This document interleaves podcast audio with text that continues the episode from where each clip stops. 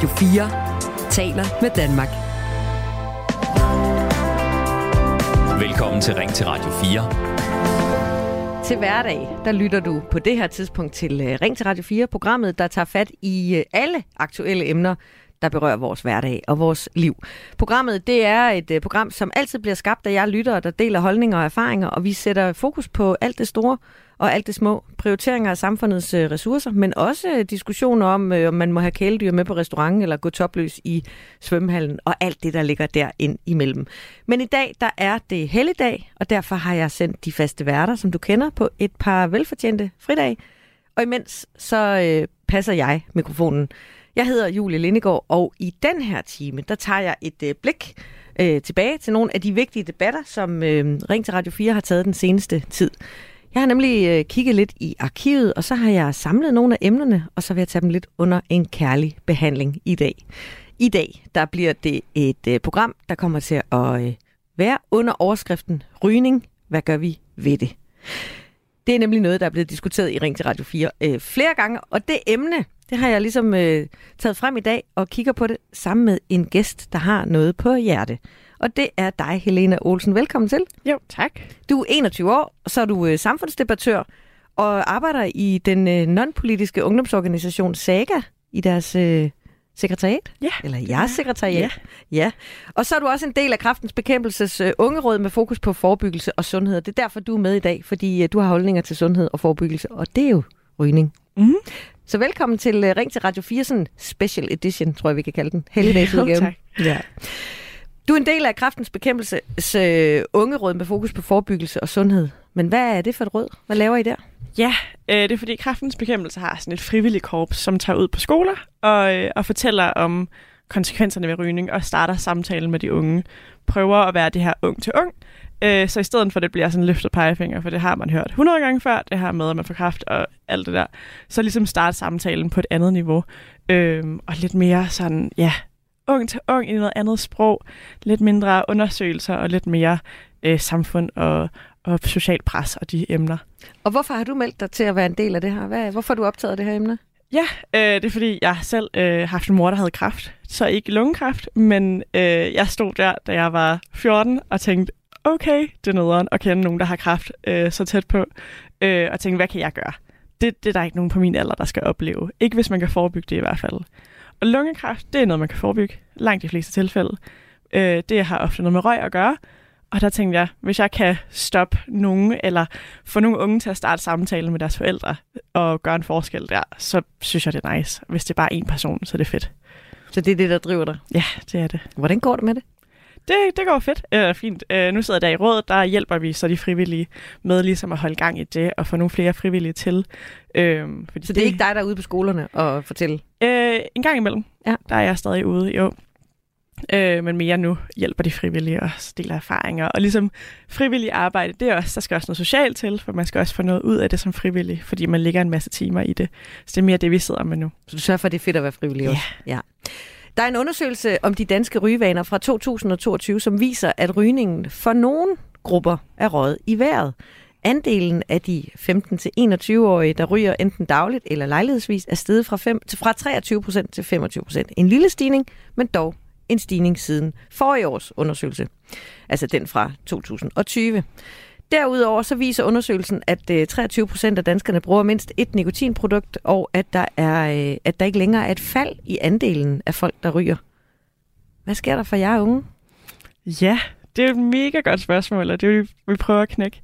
Der er øh, noget med det røg der, og jeg tror ofte, at det er noget fællesskab. Altså det er det der med, øh, og langt de fleste siger, at de ryger lejlighedsvis af den her gruppe, det er, så står man til en fest eller et eller andet, og det er som om, det ikke er helt socialt acceptabelt at sige, skal vi ligge udenfor og lige snakke fem minutter? Men hvis man siger, skal vi gå ud og tage en smøg, så kan man lige få den der pause lige udenfor, få noget frisk luft, eller snakke med nogle andre, end man plejer. Øh, lige få lidt ro.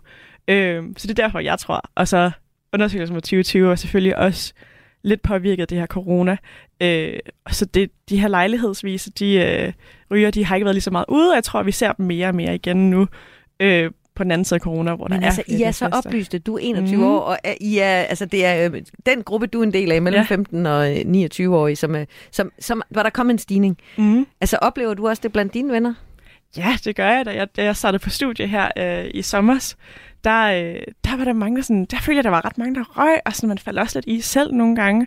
Og så nu har vi øh, øh lært hinanden bedre at kende, der har vi ligesom begyndt at snakke om det, og der var mange, der ikke havde røget altså i flere år, før vi startede studie. Fordi... de kom ikke fra gymnasiet eller fra sabbatår mm-hmm. eller sådan noget, inden de startede på universitetet, og så havde røget. Det begyndte de på, da de startede ja, på fordi man, sådan, ja. man kigger på hinanden og sådan, okay, gør man røget før, og man godt kan finde ud af det, så er det ikke sådan, så er barrieren der ligesom ikke. Øh, så starter man ligesom igen, så går man udenfor, og så får man lige snakket med nogle nye mennesker, og det her med at lige spørge nogen, om der er nogen, der har en lighter, og så, så starter man samtalen der. Øh, og så vi snakker om det nu, og det er så sjovt at tænke på, for nu kender man ligesom hinanden, så nu er der ikke der samme pres på, men så er der jo selvfølgelig nogen, der er faldet i, hvis man er stoppet helt før, og så nu startet igen, så er der altså flere, der ryger nu, end der vil gøre det før. Og du falder også i en gang imellem? Det gør jeg. Og mm. altså, det er til trods for, at du øh, ja. arbejder med det, med forebyggelse mm. og sådan noget. Og hvad er det, der sker, når man står der og tænker, jamen, er det fordi, man tænker, jamen, det er ens smøg, det, det, det gør ikke nogen forskel? Helt eller? sikkert, og det er det her afhængighedsbegreb. Ja. Øh, fordi Altså, jeg tror langt de fleste på min alder vil sige sådan, nej, vi bliver ikke afhængige. Det gør man ikke nu. Man er ung, og man kan stadig nå at, at rette op på det. Øh, så hvis man lige tager en smøg til en fest, så går det nok. Øh, men det er jo det her med, årene går, og så, altså, vi snakker om pakkeår, når man snakker forebyggelse. Det her, hvor mange øh, år man ligesom ryger en pakke. Øh, og hvis det ligesom øh, stiger, så er chancen for, at man bliver afhængig også større. Så hvis du starter tidligere, så er chancen for, at du bliver afhængig også større. Øh, Hvornår røg du din første cigaret? Jeg var 17 på Roskilde i en festivalstol. Helt klassisk. Øh, det skulle prøves. Det skulle prøves, ja. tror jeg. Øh, Fordi man tænker, ja det er jo ikke, altså, det er jo det, der er sådan lidt interessant. Hvordan er det, man starter på det? Fordi det smager jo ikke mm. særlig godt. Altså, det, og det lugter grimt, og ja. øh, der er ikke nogen, der har lyst til at kysse nogen, der har røget. Mm. Så man kan sige, alt taler egentlig imod det, men alligevel så, ja. så er det sådan socialt accepteret. Ja, Ja, det er sådan, især, jeg tror på Roskilde der, der sidder man i den der, hvad skal man ellers lave, når man sidder i den der campingstol midt på dagen, og sådan, der er ikke så meget andet at tage sig til lige på det tidspunkt. Og så sidder man der og hygger udenfor, og det er som om det er i luften, og jeg kan også godt mærke det nu, så snart solen kommer frem, så, sådan, så begynder man ligesom at sådan, tænke på det, øh, og den der lugt kommer lidt frem, og man er sådan, oh, så er det også sommer. Øh, det giver lidt den øh, energi. Vi skal snakke meget mere mm. om mhm. øh, rygning, for nu skal vi til dagens første emne. Radio 4 taler med Danmark. I den her særudgave af Ring til Radio 4, der har jeg været en tur i arkivet og fundet et par emner, som har været diskuteret tidligere i øh, Ring til Radio 4. Og med mig til at diskutere det har jeg Helena Olsen, som er 21 år og som øh, arbejder blandt andet med forebyggelse af rygning for øh, kraftens bekæmpelse. Men nu skal vi tale om rygning i populærkulturen. Populærkulturen, den øh, eksploderede jo i røg i sådan noget 1940'erne og 50'erne, hvor man sjældent så en stjerne altså en James Dean eller en Elvis Presley uden en cigaret i mundvin. James Dean, han gjorde det cool. Audrey Hepburn, hun gjorde det mere sådan sofistikeret med sit lange cigaretrør, og rygningen har været sådan en central og integreret del af mange film og serier, og så øh, kan man sige generelt i kulturlivet siden da. Cigaretter er jo ikke længere forbeholdt øh, sådan sociale tabere eller Don Draper-typer, som øh, sådan, nu, nu dingler cigaretten sådan i mundvin i Stranger Things, Orange is the New Black, og også en række danske DR-dramaserier som Bedrag, Herrens Veje og Arvingerne. Og øh, senest, der har vi, øh, vi kan også se det på det store øh, lærred i de danske biografer. Eksempelvis så, øh, så har den øh, store danske biografsucces øh, komedien Meter i sekundet, der er filmatiseret af Stine Pilgaards bestseller. Der møder vi Marie, hvis liv bliver vendt op og ned, da hun må, modvilligt må flytte til Vestjylland, til Velling, hvor, hun får, hvor hendes kæreste får job på Velling Højskole. Marie, hun bliver spillet af Sofie Torp, og øh, skuespilleren Sofie Torp, hun øh, kan faktisk godt lide at ryge, og hun øh, ryger også i filmen. Og i øh, programmet, der hedder Det sidste måltid her fra, øh, Ring til, øh, fra Radio 4, ikke bare Ring til Radio 4, men i programmet Det sidste måltid, der øh, sagde Marie, eller Sofie Torp, som spiller Marie, sådan her. Prøv lige at lytte med her. Okay, Sofie, øh, altså en, en del af, dit, øh, af din menu var jo simpelthen, at vi skulle, der skulle være rygepause. Ja, og det er jeg jo selvfølgelig ked af. Men hvis det, kommer du med en kæmpe hoste imens? hvis det her var mit sidste måltid, så vil jeg 100% så vil jeg selvfølgelig ryge en cigaret. Du vil ryge dig ned i graven? Ja, det tror jeg. Ja. Ja, sådan sagde altså Sofie Torp. Hvad synes du om, at der bliver røget i uh, film, Helene Olsen? Jeg tror ikke, at det er der, rygningen starter. Men jeg tror, at det skaber nogle idéer om, hvem det er, der er, der ryger. Fordi jeg kan også godt selv huske, da jeg så Gilmore Girls første gang, så står øh, Jess også der. Han er så rigtig bad boy, står med en smag i munden. Og lidt den type. Så jeg tror, det skaber de her billeder omkring, hvem der er rygere. Øh, fordi i virkeligheden, så er det jo ikke kun de seje, eller sådan, der er jo også en social slagside med at være dem, der, altså dem, der ryger, og dem, der er afhængige. Øh, og dem, man snakker om, når man laver rygelov, og dem, man skal passe på. Så det er jo ikke kun den her type, men hvis man ligesom har en idé om, at det er sådan lidt bad boys, og man måske ikke lige er den type selv, og så ser det på film og det her, øh, så tror jeg helt klart, at det kan, altså, jeg tror, det kan lægge op til, at der, der er nogen, der vil falde i. Du skal lige høre her, fordi det viser sig faktisk, at hvis de rollemodeller, vi vokser op med, hvis de ryger, eller hvis vi ser det på film, så kan det have en afsmittende effekt. Det siger i hvert fald Henrik Høgh Olsen, som er professor, og social, eh, professor i social- og personlighedspsykologi på Aarhus Universitet. Du skal lige høre, hvad han siger her. Vi er sociale dyr, og det betyder jo, at vi sådan set er kodet til at orientere os efter hinanden. Vi ser, hvad hinanden gør, og vi er også tilbøjelige til at gøre, som de andre gør, fordi det giver mening, og det kan have haft overlevelsesværdi, og det nogen har succes med at gøre, ikke? at det kunne også være, at det gav mig succes. Det afgørende, det er jo, hvem det er, der gør hvad, kan du sige. ikke? For hvis det er alfadyrene, for vi er jo ikke bare sociale dyr, vi er også socialt hierarkiske dyr. Det vil sige, at nogle af os har mere status end andre i den kreds af mennesker, som vi tilhører. Og hvis dem med høj status har en bestemt form for adfærd, så er den meget mere tilbøjelig til at blive kopieret, end hvis dem med lav status har en form for adfærd. Dem er der ikke så mange, der, der ligger sig i slipstrømmen på. Fordi vi forventer, at det, som alfadyrene kan, og det, som de har succes med, at det kan også komme os andre til gode. Så vi øh, imiterer hinanden, vi efteraber. Det er det, man kalder mimesis. Det er en del af sociale dyrs adfærdsmønster, ikke? at de følger med i, hvad hinanden laver, og kopierer det, der ligesom er helt med. Ja, det siger altså Henrik Høgh Olesen her, som er professor i social- og personlighedspsykologi på Aarhus Universitet. Og med mig til at diskutere det her har jeg Helena Olsen. Helena, du er frivillig i kraftens bekæmpelse, og du hører her, at han også siger, at det har en indflydelse. Der er også en rapport fra antirygegruppen Truth Initiative, som viser, at rygning i film har direkte indflydelse på unges rygevaner. Ifølge gruppen her, så viser deres undersøgelse, at 44 procent af de unge begynder at ryge, fordi de har set det i film. Skal vi ikke forbyde det? Jo, det kunne man godt. Det tror jeg godt, man kunne. Men jeg tror også, forbud gør det mere spændende. Øh, så jeg tror også, at der er rigtig mange af de her øh, kunstnertyper, som man også, der laver de her film, der står for de her film, er jo også det er i hvert fald den her stereotype om, at de også selv ryger. At det er ligesom den her kunstner, der sidder øh, med en smøg, stresset, øh, har alle de her store tanker, og det er jo også ideal i sig selv. Og jeg tror, hvis man begynder at sige til dem, at man ikke må ryge film, så bliver det også svært. Jeg tror, det var, der har nogen, været nogle instruktører ude og nogle producenter ude og sige, det kan man ikke.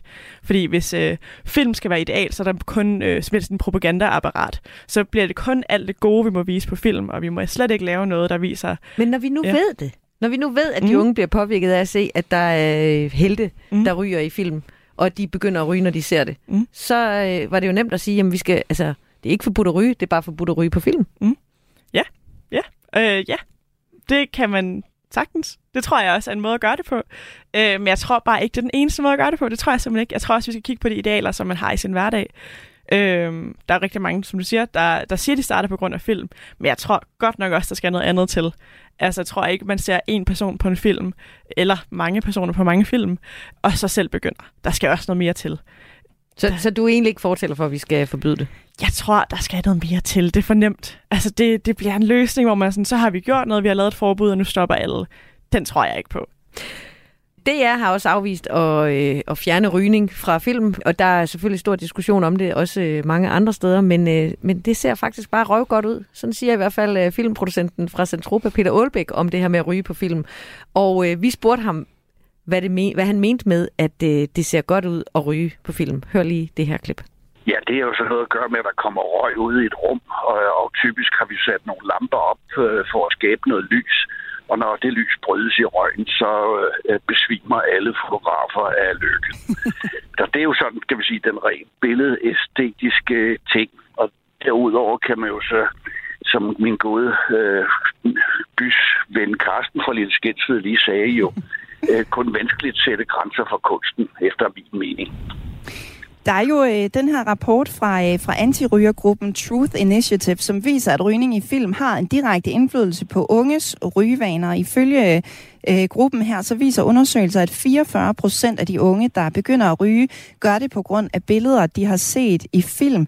Er det ikke vigtigere at undgå at få unge mennesker til at ryge, end at det ser godt ud på film?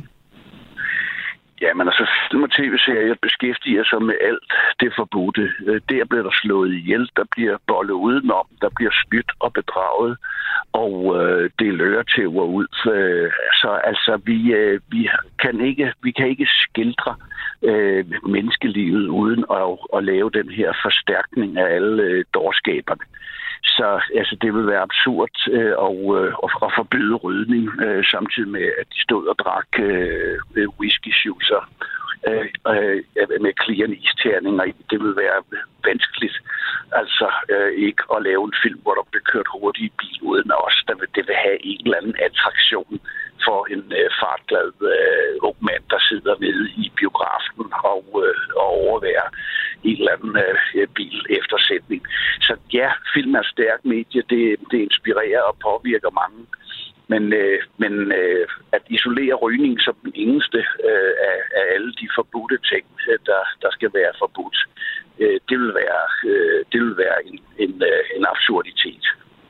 Men så kunne man jo også være lidt fræk øh, og sige, om vi så skulle øh, forbyde øh, noget over hele linjen. Utroskab, hurtige biler, stoffer, rygning. Jamen, jeg gad godt at se uh, den film, hvor, hvor der er ikke nogen mennesker, der gjorde noget dårligt i hvert fald. det er dem, vi elsker at svælge i, når vi uh, ligger os tilbage i sofaen og ser, uh, at uh, verden er så meget uh, under og dårligere end os selv. Det er ikke den, du kommer til at lave, kan jeg næsten høre. Det vil være mærkværdigt og, uh, og, og bede nogle skuespillere om at stå og, og banke hinanden, ikke? og så uh, er det forbudt at, at ryge cigaretter i samme kunstneriske værk. Hvorfor er det øh, så vigtigt for dig som filmskaber øh, at vise folks laster, altså både rygning, men også som du nævner utroskab, eller køre hurtigt i bil, eller hvad det kan være? Det, det er jo det, der skaber omdrejningspunktet for historierne. Øh, det er jo ikke, at, at, at Allan og Bente har boet pænt sammen i parcelhuset i 50 år og ikke talt ondt om nogen eller dårligt til hinanden. Altså, jeg er ked af at sige det, men det er der ingen historie i. Men kunne man så ikke, nu omtaler du selv rygningen som en last, vil det så ikke give mening, hvis man øh, holdt sig til, øh, at de karakterer, der røg, det var nogen, som, øh, som ikke havde det godt, eller som på en eller anden måde var skurke frem for øh, nogle mere helteagtige typer, man ser op til? Jamen, så er det, vi kommer jo ind her med, med meningspolitiet, ikke? Og hver eneste gang et moraliserende samfund i den allerbedste mening har forsøgt at indføre censur, er det altid gået galt. Ja, og det sagde altså Peter Aalbæk, som er producent fra Centropa, til et øh, Ring til Radio 4-program. Tidligere i dag har vi helligdagsudgaven, hvor vi øh, samler op på nogle af de her emner og diskuterer dem, og med mig har jeg Helena Olsen, som øh, er blandt andet frivillig i kraftens bekæmpelse. Helena, når du hører Peter Aalbæk sige, det ser fedt ud på film, og øh, det kan, man kan ikke lave film, hvis ikke folk må ryge. Det er sådan set øh, kort sagt, det han siger. Det er i hvert fald svært at kun at fortælle om glansbillerne. Hvad tænker du om det? Jeg er faktisk enig med Peter langt hen ad vejen, men jeg synes også, film og filmproducenter har et kæmpe ansvar i forhold til, hvordan de fremstiller de her typer. Øhm, Wolf of Wall Street synes jeg er et fantastisk eksempel på det, fordi det er det ser så fedt ud de første hvad, halvanden time eller sådan noget. Og der er mange, der ligesom har dem som yndlingsfilm inden for dem, der gerne vil, sådan, vil noget i finansmiljøet, for eksempel. De glemmer lige de sidste 20 minutter, hvor det hele går galt. Øh, og det er det, jeg synes, der er en, altså enormt vigtigt at understrege gennem hele filmen, hvis man har de her typer. Nu bliver der både snakket om rygning og stoffer og utroskab og det hele. Det, jeg synes, det er så vigtigt at vise, at den holder simpelthen ikke i virkeligheden. Altså det gør, at det ser fedt ud, og det ser fedt ud i halvanden time, men nu er de fleste af vores liv lidt længere og har lidt flere nuancer, end de her film fremviser. Og det er der, jeg tror, ansvaret ligger. Så er det op, skal det være op til producenterne selv, om hvem skal ryge og hvem skal ikke ryge? Eller kan man godt altså, på en eller anden måde øh, regulere det, eller sige, det, det, der skal være en god grund til, at I bruger cigaretter og rygning i de film, I laver? Det bliver svært. Altså, det tror jeg. Det tror jeg virkelig bliver svært, og det bliver øh, underligt, og hvem skal så afgøre det, og alt det her. Men jo, ideen, pissefed idé. Øh, at vi ligesom skal have en, en grund til at gøre det, og producenterne ligesom skal stå til ansvar for, hvem der ryger, men jeg tror, det bliver svært. Øh, og jeg tror igen, jeg tror, der er noget andet, der skal til. Altså, det er ikke kun de her film. Altså, jeg kan, nu bliver det uden for min egen oplevelse, men det var det i hvert fald ikke film, der gjorde det for mig, og det er stadig ikke film, der gør det for mig. Men det gør det jo for en hel masse andre. Øh, så det gør, at man skal imødekomme dem. Jeg tror, det er nemmere og mere øh, bedre ressourcer at gøre det et andet sted. Jeg tror simpelthen ikke, det er filmene, der gør det. Skal vi sætte sådan nogle øh, aldersreguleringer på, hvis der bliver røget i film, så må børn ikke se det, eller teenager ikke se det, eller, eller hvordan, hvordan får vi dæmmet op for den her øh, trend, hvor man kan sige, jamen undersøgelserne viser, at det påvirker dem, der ser det. Mm. Hvis det ser sejt ud at ryge, og heltene ryger, mm. så, øh, så bliver man inspireret. Ja, aldersgrænse kunne det godt være. Øh, man skal være 18 for at købe cigaretter. Skal man så også være 18 for at se dem? Ja, lad os sige det. Men sådan et 18-års øh, stempel på en film på, øh, på øh, streamingtjenester og sådan noget, så tror jeg ikke, altså, det gør nok ikke så meget igen, men jo, det starter nok en samtale hos de forældre, hvis man har teenagebørn, og sådan, okay, måske skal vi lige overveje, om de skal se den her film, hvis de er under 18. Så det er noget, man kan gøre, men der skal meget mere til. Og du siger også, at, det, at du øh, jo sådan set er enig med Peter Olbæk i, at det, det ser fedt ud på film, og at det øh, kan være med til at skabe en god fortælling. Men du siger også, at de har et ansvar. Altså, hvad er det for et ansvar, at de skal påtage sig, de her øh, filmproducenter? Det er ansvar for at vise, at der er nuancer til liv at vi ser, når ofte så er det sådan stressede typer, sådan detektiv, der sidder øh, og ryger, og så finder de ud af, øh, hvem morderen er, mens det her, sådan, den type, og sådan, det er bare vigtigt at vise, at der er nogle flere nuancer til det. At mennesker på film, eller karakterer på film, ofte er lidt endimensionelle. Øh, og det der, jeg synes for eksempel, druk gjorde det mega godt. Øh, fordi sådan, de får snakket om den danske drukkultur, og samtidig viser, hvor kæmpe stor slagside der er for nogen i den her alkoholkultur. Øh, og viser ligesom, hvordan det kan ende. Ja, og den handler om alkohol mm. og, og påvirkningen på godt og skidt. Men, men, men, men vi kan jo ikke kun lave film, der handler om rygningens øh, effekter. Så når man nu øh, har en film som Meter i sekundet, der handler om øh, Marie, der rykker til Velling Højskole, som spilles af Sofie Torp, gør det nogen forskel, om hun ryger eller ej? Det er jo selvfølgelig producentens valg. Men, men bør de sådan tænke sig ekstra godt om at tænke, jamen, så er det bedre, at hun drikker sodavand, eller er det bedre, at hun øh, jamen. spiser øh, gulerødder? Ja, altså der giver det også nogle nuancer til livet. Der er jo også, fordi hun, hun synes jo, det er ret nederen at være her. Og sådan, det, det taler ligesom ind i det. Så der synes jeg egentlig også, at det, det giver noget til karakteren. At sådan, det, det virker sgu lidt håbløst også. At hun så ryger, ja, det, det snakker ligesom ind i det samme. Og de her mennesker kender man også lidt i virkeligheden. Så hun øh, heller ikke virker alt for, for perfekt, eller... Ja, ja. Det tænker jeg egentlig, ja. Vi havde også en øh, lytter med i øh, den her tidligere udgave af Ring til Radio 4. Vi øh, sommer lidt op i dag i den her helligdagsudgave, og med mig har jeg Helene Olsen. Og du skal lige høre, Helene, det her øh, klip, som øh, Alexander han ringede til øh, Ring til Radio 4 for at øh, bidrage med. Jeg, jeg vil, altså, helt personligt, så vil jeg have dialogen vejen frem. Jeg vil ikke skærme dem som regulært skærme dem. Altså, nu kan man sige, nu har jeg små børn, som du selv siger jeg har lige været til noget fast lavn, og der ser man jo også øh, børn, og jeg så må sige, rende rundt og agere øh, figurer for, for voldelige film med knive og våben og svær og alle mulige ting. Det, det, vil, det vil lige for sig vel også en, en del af det her, hvad, hvilket, hvilket signal rollemodellen har sendt til de unge mennesker, med så Er det forældrenes ansvar, at børnene ikke begynder at ryge? Ja, forældre er lige så meget idealer, som karakterer er på film. Øh, det ser man jo også, hvis ens forældre ryger, så der er ikke lige så langt til, en, til man selv ryger. Det er jo et kæmpe trend. Altså, forældre er kæmpe idealer, og og i dag på den gode på den dårlige måde. Altså, man følger jo deres fodspor. Så det, forældrene har et kæmpe ansvar der. Men det er bare ikke alle forældre, der har ressourcerne til at løfte en opgave. Og der må man som samfund give dem nogle redskaber, som for eksempel at gøre det vildt dyrt at ryge. Øh, så der ligesom er en anden barriere, men forældrene har, altså, forældrene har så stort ansvar. Og altså, du fortalte jo uh, tidligere i, i den her udsendelse, at du også engang imellem selv uh, ryger en cigaret, når du er til en fest og går udenfor med nogle af vennerne. Øh, hvad siger dine forældre så til det? Altså, det, øh, er det, har de fejlet der, eller? Øh, nej, det synes jeg ikke. Det har aldrig... Altså, mine forældre ryger ikke, og har aldrig gjort det den tid, jeg ligesom har været til øh, overhovedet. Og jeg synes egentlig, at mine forældre har gjort det mega godt i forhold til... Og, og jeg synes, jeg kan godt selv se det. Altså, de har ligesom givet det her, det her billede med, at det er sådan lidt taberagtigt at være afhængig af noget. Og det er sådan lidt pinligt. Sådan, hold op, du kan ikke komme igennem din dag uden at, uden at ryge en cigaret. Sådan, er det fedt? Eller er det, sådan, er det en person, du har lyst til at være? Så, så ja, mine forældre har da selvfølgelig et ansvar der, men jeg synes egentlig, de har givet et godt billede af det. Jeg kunne aldrig forestille mig selv ryge til hverdag. Og det er jo også ligesom så mange andre, der ryger til fester, og så er der alligevel nogen, der gør det. Ja, og man kan sige, det er jo der, det starter. Det starter mm-hmm. til festerne, og så er der lige pludselig en onsdag, hvor det også kunne være lidt festligt, og så lige pludselig så er det blevet hverdag. Helt sikkert. Det gør det, og det, det er sådan, det starter. Og jeg tror også, man er sådan prædisponeret, eller det er man prædisponeret fra naturens side, der er nogen, der bliver mere afhængige end andre. Jeg har aldrig selv følt den der trang, og det er jo også sådan en undskyld, man giver over for sig selv, og det er også derfor, jeg synes, det er vigtigt at være ærlig, også når man snakker til unge omkring der forebyggelse. At hvis man føler den der trang lige pludselig alene på en tirsdag formiddag, okay, det er måske virkelig der alarmklokkerne skal ringe, og man skal finde nogen, man kan snakke til, eller man kan finde, altså finde nogle ressourcer der, man kan bruge til, at det ikke bliver en hverdagsting, øh, og virkelig sætte ind der. Vi skal snakke meget mere om rygning, men først så skal vi lige have en øh, omgang nyheder, og vi er tilbage om et øjeblik med den her særudgave af Ring til Radio 4.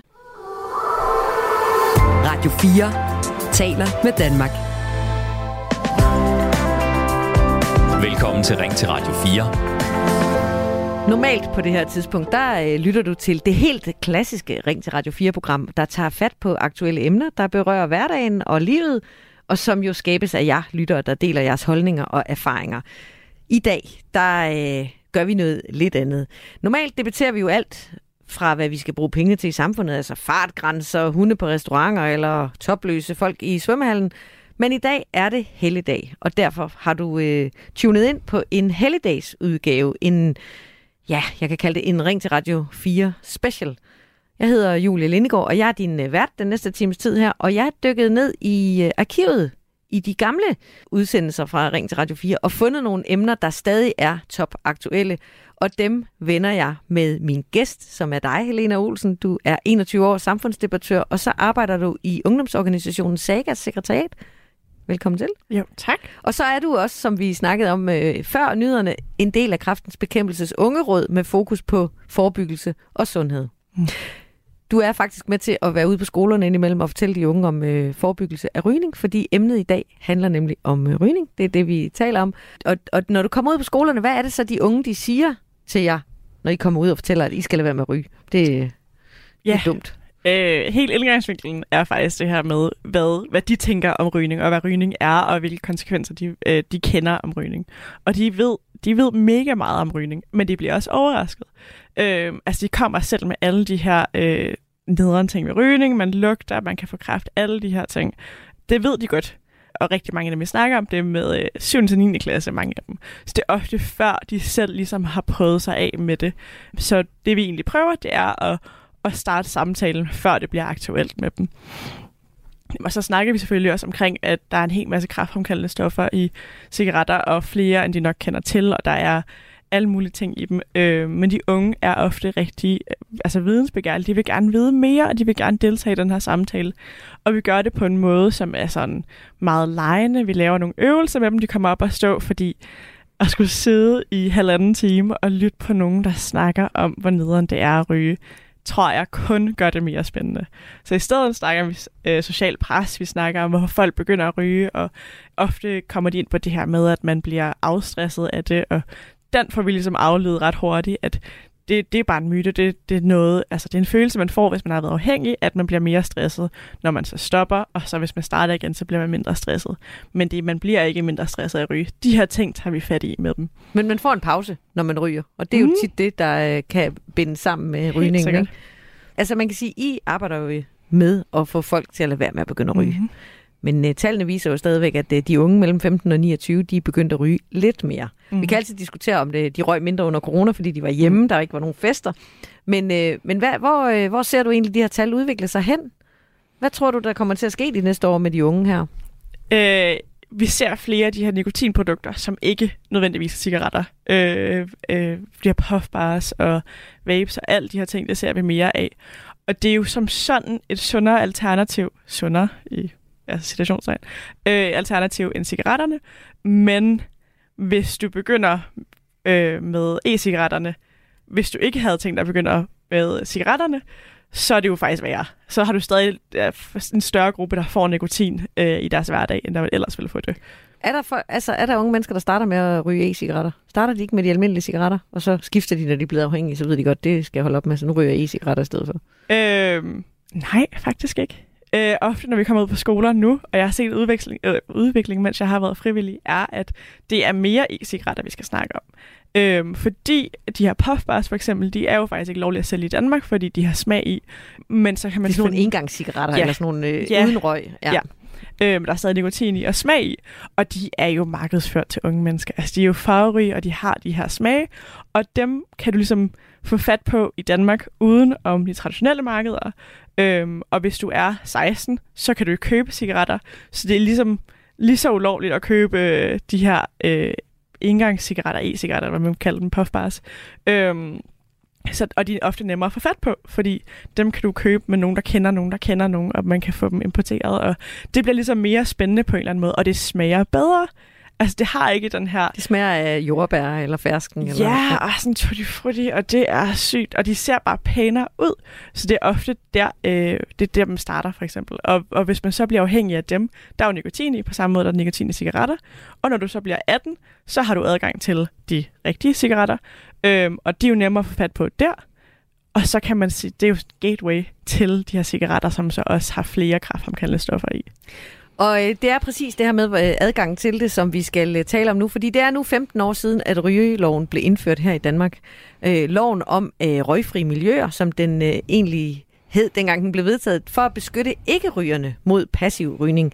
Det blev med øh, ganske få undtagelser indført øh, reglen om, at man ikke længere må ryge på indendørs arbejdspladser og i det offentlige rum, som eksempelvis i busserne, i tog, restauranter og caféer. Og dengang i 2007, der var modstanden mod rygeloven massiv. Andelen, der ryger mindst 15 cigaretter eller mere, er halveret siden rygeloven trådte ind. Det viser tal fra Danmarks Statistik. Og i takt med, at der er kommet færre ryger, så er salget af røgprodukter også faldet. Så siden 2007 er antallet af solgte cigaretter ifølge Danmarks Statistik faldet med 40 procent. Rygerloven har altså skabt ret store forandringer. Men øh, vi kan jo godt stramme øh, loven endnu mere. Seniorforsker i tobaksforbyggelse ved Statens Institut for Folkesundhed, Lotus Sofie Bast, hun foreslår også, at den røgfri skole skal udvides til os at gælde de videregående uddannelser. Nu skal du høre, hvad hun øh, sagde i øh, Ring til Radio 4, da det her blev diskuteret. Jamen altså, vi, jeg mener jo, at, øh, at vi nåede rigtig, rigtig langt med den rygelov, vi står med i dag. Men jeg mener samtidig også sagtens, at øh, der er nogle steder, vi kan skole lidt mere, hvis der er, at vi har ambitioner om at få, få færre til at ryge i Danmark. Hvor er det så, I mener, man kan skrue? Jamen, jeg, jeg tror, vi skal kigge på, altså det er jo de rigtige greb, vi har fat i, men, øh, men man kan godt skrue prisen endnu højere op. Man kan også godt øh, arbejde lidt mere med at finde ud af, om, øh, som du selv siger, de her øh, tobakspakker, der er gemt væk i butikkerne, øh, er de så reelt set det alle steder? Altså gå ind og arbejde lidt mere med at se, om øh, hvordan håndhævelsen af de her ting, den egentlig fungerer. Skal øh, rygerloven øh, strammes yderligere, Helene Olsen? Prisen skal op. Prisen skal op. Du er enig med Lotus øh, her, som øh, siger, at det er et sted at skrue. Ja, altså helt sikkert. Jeg synes, det er vildt, at en pakke øh, cigaretter i Danmark koster 60 kroner. Altså sådan, det er jo ikke særlig meget mere end en kop kaffe i København. Øhm, og, og man har gjort det trinvist for ligesom at bløde. Altså det, jeg synes, det er så middelmådigt, og virkelig en sløv indsats, man har gjort der. Altså for, jeg synes, en pakke cigaretter skulle koste 120 kroner, tror jeg. Altså for dobbeltprisen, som det er nu, så tror jeg virkelig, vi kan mærke en forskel. Og der er en social slagside ved det, det er jeg med på, og der er nogen, der så ikke har råd til deres øh, cigaretter, som de plejer at røde, øh, røde de sidste mange år. Men det er hverken menneskeret at ryge, og der, jeg tror simpelthen ikke på, at der er nogens liv, der bliver bedre af at ryge tre pakker smøger om dagen. Altså, den, den, den køber jeg simpelthen ikke. Men man kan sige, det er jo lige præcis, som du selv mm. siger, det er noget, der rammer den sociale, en social slagside, fordi nogle af dem, der ryger rigtig meget, det er også nogle af dem, der har mindst i samfundet, mm. og som måske har nogle andre udfordringer. Når man så sætter prisen op, så sætter man bare dem under yderligere pres. Fordi man kan sige, velhavende folk, der ryger, jamen det gør måske ikke en stor forskel, om en pakke koster 60 eller 120 kroner, men man rammer jo de allersvageste i samfundet allerede. Hvad tænker du om det? Det gør man, men det gør man også med så meget andet. Vi har også en sukkerskat, øh, så slik i Danmark er mega dyrt. Det rammer også en social slagside. Altså alt du køber rammer en social slagside, og vi har jo ikke en differentieret øh, øh, moms på vores varer i forhold til, hvilken indkomstgruppe du er. Fordi hvis, altså, det, sådan skal samfundet løbe rundt. Vi kan ikke sige, at når, fordi du er i den her indkomstgruppe, så, så må du gerne ryge resten af dit liv. Du bliver lige så syg af det. Og vi har et offentligt sundhedssystem i Danmark, og det skal også kunne betale sig. Øhm, og jeg synes ikke, der skal være brugerbetaling på, på øh, livsstilssygdomme, fordi så vil det være kaos. Og jeg synes, vi skal virkelig heldige, at vi har et offentligt sundhedssystem i Danmark, men vi skal også passe på det. Og det er mega dyrt at behandle folk med øh, lungekræft og andre og kol og de her sygdomme. Og jeg tror bare ikke på, at nogens liv eller nogens alderdom bliver bedre af at have kol, eller ikke at kunne passe sine børnebørn, fordi man ikke kan bevæge sig rundt. Altså jeg synes virkelig, synes virkelig, det er pinligt, at det er så billigt at ryge i Danmark. Tine Marie Dahl, hun er direktør for interesseorganisationen Tobaksproducenterne, og vi øh, spurgte hende i øh, den her tidligere udgave af Ring til Radio 4, som jeg har dykket lidt ned i, om hun er fan af rygeloven. Og øh, Helene Olsen, du er med som samfundsdebattør 21 år og aktiv i kraftens bekæmpelse blandt andet. Du skal lige høre, hvad hun siger her fra øh, altså interesseorganisationen Tobaksproducenterne, om hun er fan af rygeloven. Altså, det er jo lidt et sjovt spørgsmål til en, øh, til en tobaksdirektør. Øh, generelt så er jeg sjældent fan af lovgivning på tobaksområdet, men, øh, men der er der elementer af rygeloven, som der er positive, eksempelvis at man øh, begrænser passiv rygning på offentlige arealer indenfor. Altså, det giver god mening, fordi man skal jo grundlæggende lade være med at lade sin egen vane gå ud over andre, ligesom man bør kunne vælge, om man vil ryge eller ej, så skal man jo naturligvis også have mulighed for at gå udenom røg, for eksempel i tog. Øh, så altså, der er jo ganske få i dag, der bliver udsat for passiv rygning, og, øh, og, og det synes branchen som udgangspunkt er, er fint. Samtidig så øh, ved jeg også, at du mener, at nogle af de her restriktioner er dybt godnat. Prøv lige at uddybe det. Jamen, der er flere eksempler. Øh, altså, for eksempel, øh, lige for at tage fat på, på, sådan, på rygeloven, så det, der bliver lagt op til nu for for eksempel kraftens bekæmpelse, det er jo at, at hive en stor del af brødet ud af munden på de små brune værtshuse, som der er undtaget for rygeloven. Og det er jo sådan, hvor de så vil gå ind og forbyde, at man så får lov til, altså at man kan ryge på de her små brune værtshuse, og det er jo en ren forsættelse af deres linje, hvor de vil bestemme, hvad voksne mennesker skal gøre. Altså, der er masser af steder, hvor du kan få en øl så altså, hvis du ikke vil lugte af røg, så kan du gå ud med brun værtshus. Og vi skal jo finde en anden balance, hvor, der skal, altså, hvor vi alle sammen skal kunne være her. Men generelt så, altså, så bliver der jo lavet rigtig meget øh, symbolpolitik på tobaksområdet, øh, som alene har til formål at, at belaste producenterne, og som har stort set nul effekt på, på andelen af rygere. Lad os for eksempel tage det eksempel, der hedder standardiserede indpakninger. Altså det her med, at cigaretpakken skal være grøn, fordi kraftens bekæmpelse af Sundhedsstyrelsen mener, at så er der færre, der ryger. Ja. Altså ingen af dem, altså hverken kraftens bekæmpelse eller Sundhedsstyrelsen har påvise en reel effekt af det her forslag. Tværtimod så har vi set eksempler på det modsatte, for eksempel i Norge, hvor salget af snus steg, efter man indførte øh, det her tiltag på snusdåser. Så altså, man lobbyer meget igennem, som bare er en omkostning for producenterne, uden det har en reel effekt på rygerne.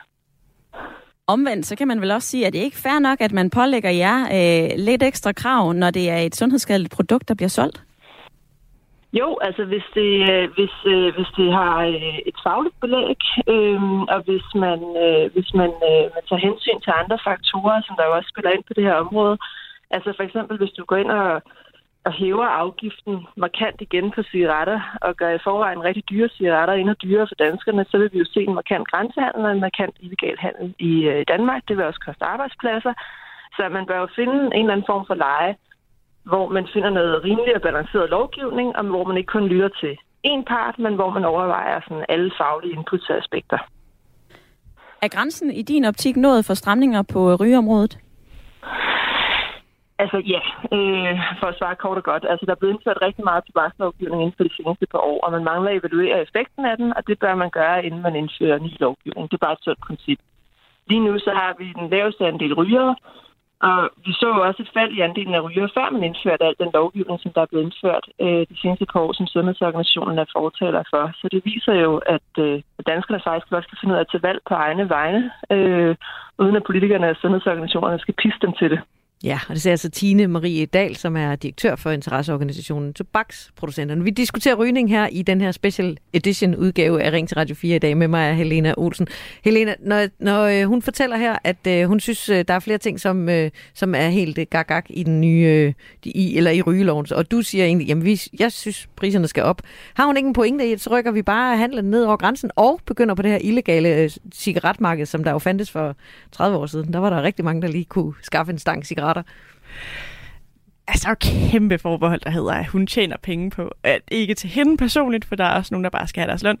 Det er firmaer, der tjener penge på, at folk ryger. Altså, der, der må være et forbehold, der hedder, alle argumenter er jo, det er et firma. Altså, alle argumenter, de, de vil jo også gerne sælge flere cigaretter. De vil gerne have en god business. Øhm. Men har hun ikke en pointe i, at øh, rygerne de skal nok skaffe deres cigaretter, så henter de dem bare i udlandet, og ellers så, øh, så, så bliver der sådan et illegalt marked af cigaretter. Det har man jo set tidligere.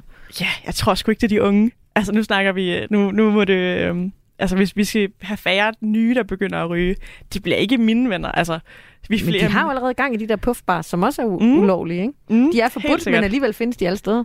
Ja, og det, det tror jeg egentlig også er, er, øhm, er... Det er jo også lidt paradoxalt det her med, at det er nemmere at få fat på øh, et produkt, der er ulovligt, end et produkt, der er lovligt, men bliver solgt øh, altså med restriktioner. Ja. Og det kan jeg godt se, det er jo et argument for at sige, at så skal vi bare have øh, fri cigaretter til alle, fordi så kan vi selv finde ud af at styre det.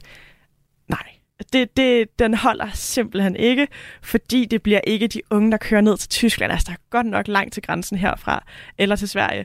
Det bliver det ikke, det bliver den her tilgængelighed. Øhm, når man starter med at ryge som ung, så er det ofte, fordi nogen spørger, skal du ikke også lige prøve? Øhm, og hvis det koster 120 kroner for en pakke, og hvis du skal have dem importeret fra Tyskland, så kommer du ikke til at dele dem ud lige så lemfældigt, som du vil gøre, hvis de koster øh, 40 kroner, da jeg var... Øh, øh, da jeg frøg for første gang, eller 60 kroner nu, der, der kan man godt dele ud stadig, der er det ikke så dyrt. Øh, men hvis man begynder at passe på dem og tænke sådan, åh, hvis jeg giver en ud, så skal jeg også snart købe en pakke mere, så koster det mere. Øh, så jeg tror, hvis man får den her tilgængelighed indgrænset lidt, også bare den altså, effort, der skal lægges i at importere og købe fra det illegale marked og alle de her ting, der ligger sygt meget arbejde i det. Jeg tror, der er mange, der sådan falder fra, eller i hvert fald ikke tilbyder andre. Men øh. vi kan jo se, at de der puffbars, de er tilgængelige, og det mm. siger du også, det er næsten nemmere at få fat i sådan en, end det er at få mm. fat i en pakke cigaretter, hvis mm. man er under 18 år. Ikke? Øhm, så så hvad, hvad, er der, skal der mere kontrol med det, eller skal der sættes ekstra ressourcer ind på, at det, at det så, hvis vi hæver prisen på cigaretter, øh, at der så ikke også opstår sådan en helt illegal marked, ligesom puffbars og de her e-cigaretter, som engangs man kan købe alle steder. Helt sikkert, det er ulovligt, så loven skal overholdes, og så må man, øh, man gøre, hvad der skal til, for at den skal overholdes. Altså, der, der, øh, det er jo lovgivning, som vi har accepteret, at der, der skal ikke øh, nikotinprodukter, der smager af jordbær, fordi det går ikke. Det er jo markedsført til børn og unge. Øh, og det er så tydeligt, og det er også derfor, vi har gjort det ulovligt, og så må man finde en måde at opretholde det her lovgivning på. Altså, der, der er mange måder at gøre det på. Man kunne have... Øh, en eller anden, altså en linje eller et eller andet til politiet, hvor man kan sige, okay, øh, jeg ved, at man kan få fat på dem her, eller et eller andet. Lidt en stikkerlinje. Jeg måske ikke det fedeste navn til den, men altså, man kan finde en anden måde at gøre det på. Men det er lovgivning, der skal overholdes, og vi skal ikke sige, bare fordi der er nogle andre, der gør noget andet, så må vi også gerne. Altså, det er jo så tyndt et argument. Men det er jo, øh, en, øh, det er jo en reel udfordring. Jeg har hørt om mm. skoler, hvor det helt ned til 4. og 5. klasse, at de her puffbars pludselig florerer, fordi nogen har fået fat i dem. Øh, og de smager, som vi har talt om tidligere, af fersken eller tutti frutti eller et eller andet i den øh, stil. Altså, hvordan, hvordan får man dæmmet op for de der ulovlige produkter, der så kommer ind, i, ind over grænserne? Jeg tror, man skal være mindre berøringsangst. Øh, hvis man ser nogle 4-5. klasser, så må man, altså, en ting er forældrenes ansvar, sådan, hvis de ser deres børn med det her, okay, hvor har du fået det fra?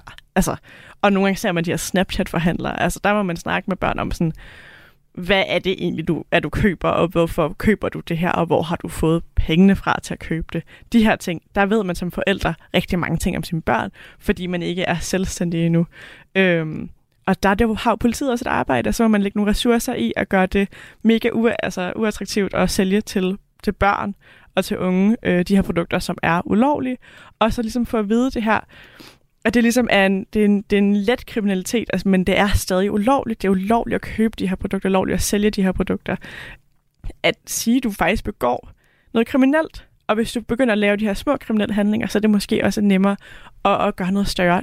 Og ja, det er ikke fordi, jeg tror, at alle, der køber en puffbar, er nogen, når de er 15, kommer til at være butiksrøver. Det er ikke det, jeg siger. Men jeg siger bare, at det bliver nemmere, hvis du først har gjort noget, der er lidt, lidt ulovligt, og så gør noget andet. Mm.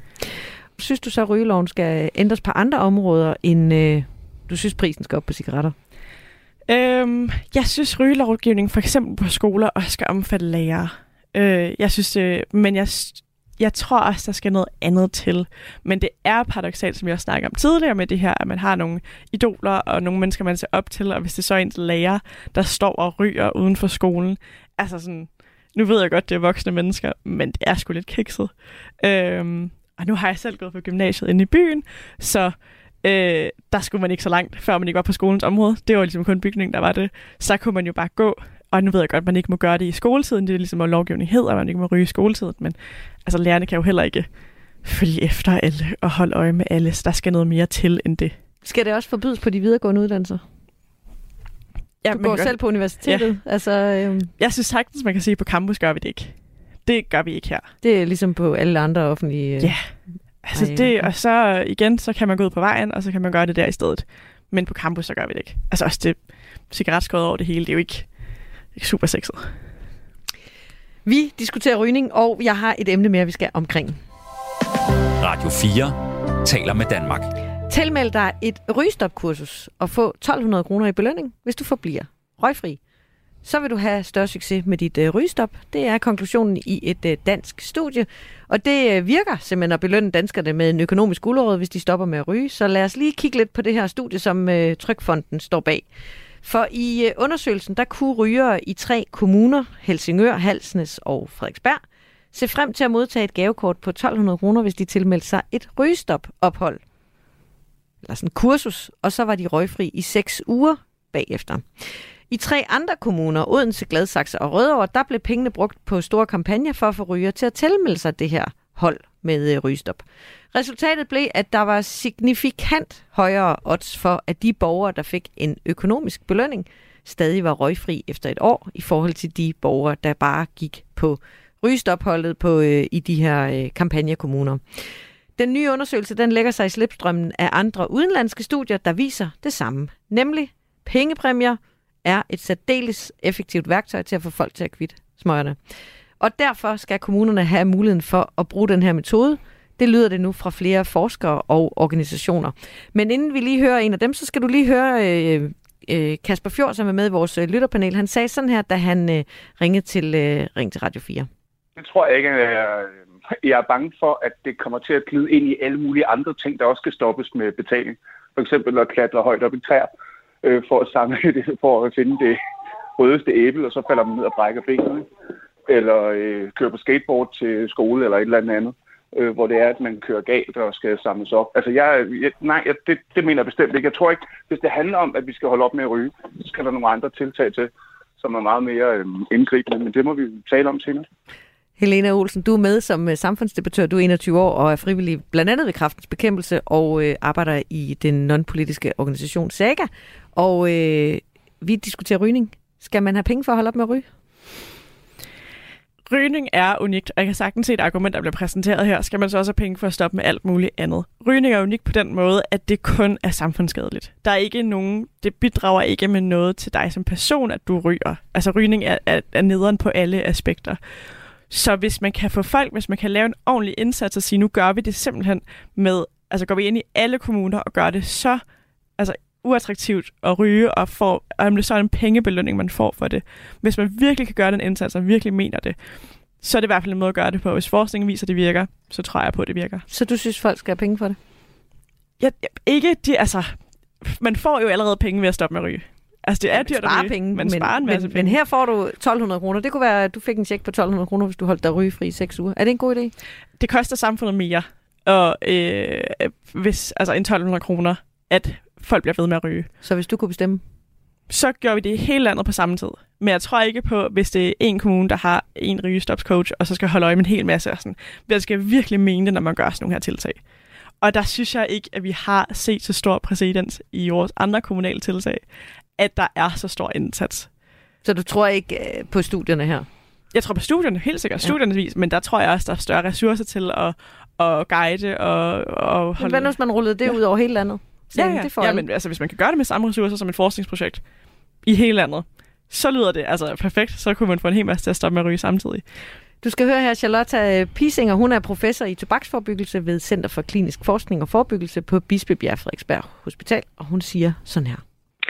Jamen, øh, effekten var på to måder. Dels så, så vi, at det var godt til at tiltrække rygere øh, til at komme på de her kommunale rygestophold, men især det med, at de holdt sig røgfri i længere tid. Og det er jo utrolig vigtigt, øh, at vi udvikler nye tilbud, som kan øh, hjælpe folk til at holde op med at ryge.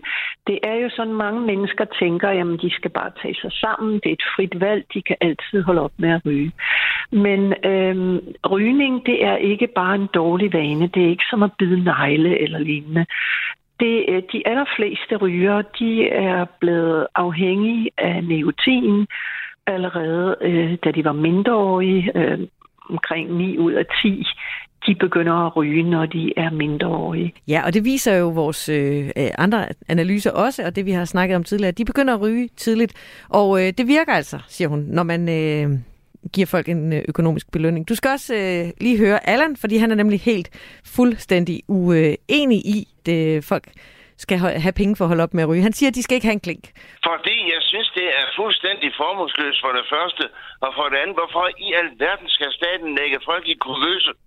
Jeg synes, det er fuldstændig åndssvagt. Så kan vi lige godt sige til lille Peter, jamen, øh, du får en tiger, hvis du er artig. Ja, ja, ja, ja, jeg skal nok være artig. Men øh, hvis han er uartig, så vil han have en tiger. Hvis han er uartig igen, så vil han have en tiger igen. Altså, det er jo fuldstændig, det er jo, det er jo en skrue uden ende. Ja, og altså, øh, Allan her, han siger, at det er skruen uden ende, og folk nærmest vil begynde at ryge. Det er det, han mener også, at, øh, at, at, at man kan begynde at ryge for så at stoppe for at få pengene. Hvad tænker du om det? Altså, selvfølgelig må der være nogle restriktioner på det her. Det er ikke, fordi du bare kan stoppe og starte, øh, og så få 1200 kroner hver gang. Du? Der kan du melde dig til et nyt. Ja, det, det, tænker jeg også. Altså, det tror jeg heller ikke har været intentionen. Det tror jeg er lidt at stille en strømmeren op. Men at sige, nu gør vi det, at gå sammen på landsplan og sige, nu, nu gør vi det simpelthen. Og det har vi, altså, det kan man godt. Øh, det tror jeg virkelig på, at man godt kan, hvis man bare mener det. Altså, der, der skal... Der Men er skal der ikke noget... en grænse for, hvad man skal blande sig i, folk render og lave? Jo, men vi har simpelthen bygget et samfund op, hvor at vi blander os sygt meget, og det gør vi hele tiden. Øh, som, vi også, som jeg sagde før, det her med den her sukkerskat. Vi siger til folk, at de skal spise mindre sukker. Øh, men vi har jo ikke bestemt, at folk ikke må blive tyk. Nej, nej, men man kan give et incitament til at lade være i hvert fald. Eller i hvert fald gøre det sværere. Og vi blander os hele tiden som samfund. Vi har et offentligt sundhedssystem, hvilket gør, at vi er nødt til at stille nogle begrænsninger på, hvad, hvad er det, man kan som individ? Øhm, fordi vi betaler på det, altså betaler alle sammen for det hele tiden. Øhm, så det går jo ikke, at det koster så meget for samfundet. Og hvis 1200 kroner skal til for at få øh, en person til at stoppe, så synes jeg, det er penge godt givet ud. Helena Olsen, det har været en fornøjelse at have dig med her i øh, den her særudgave af Ring til Radio 4. Vi når ikke mere i dag, men hvis du som øh, lytter sidder og tænker, jeg har også et øh, emne eller et forslag til et emne, så er du altid velkommen til at ringe til os eller skrive til os. Du kan sende os en mail på øh, ring til radio4.dk. Tusind tak, fordi du ville være med i dag, Helena. Det er mig, der takker. God dag. I lige måde, tak. Du har lyttet til en podcast fra Radio 4. Find flere episoder i vores app, eller der, hvor du lytter til podcast. Radio 4 taler med Danmark.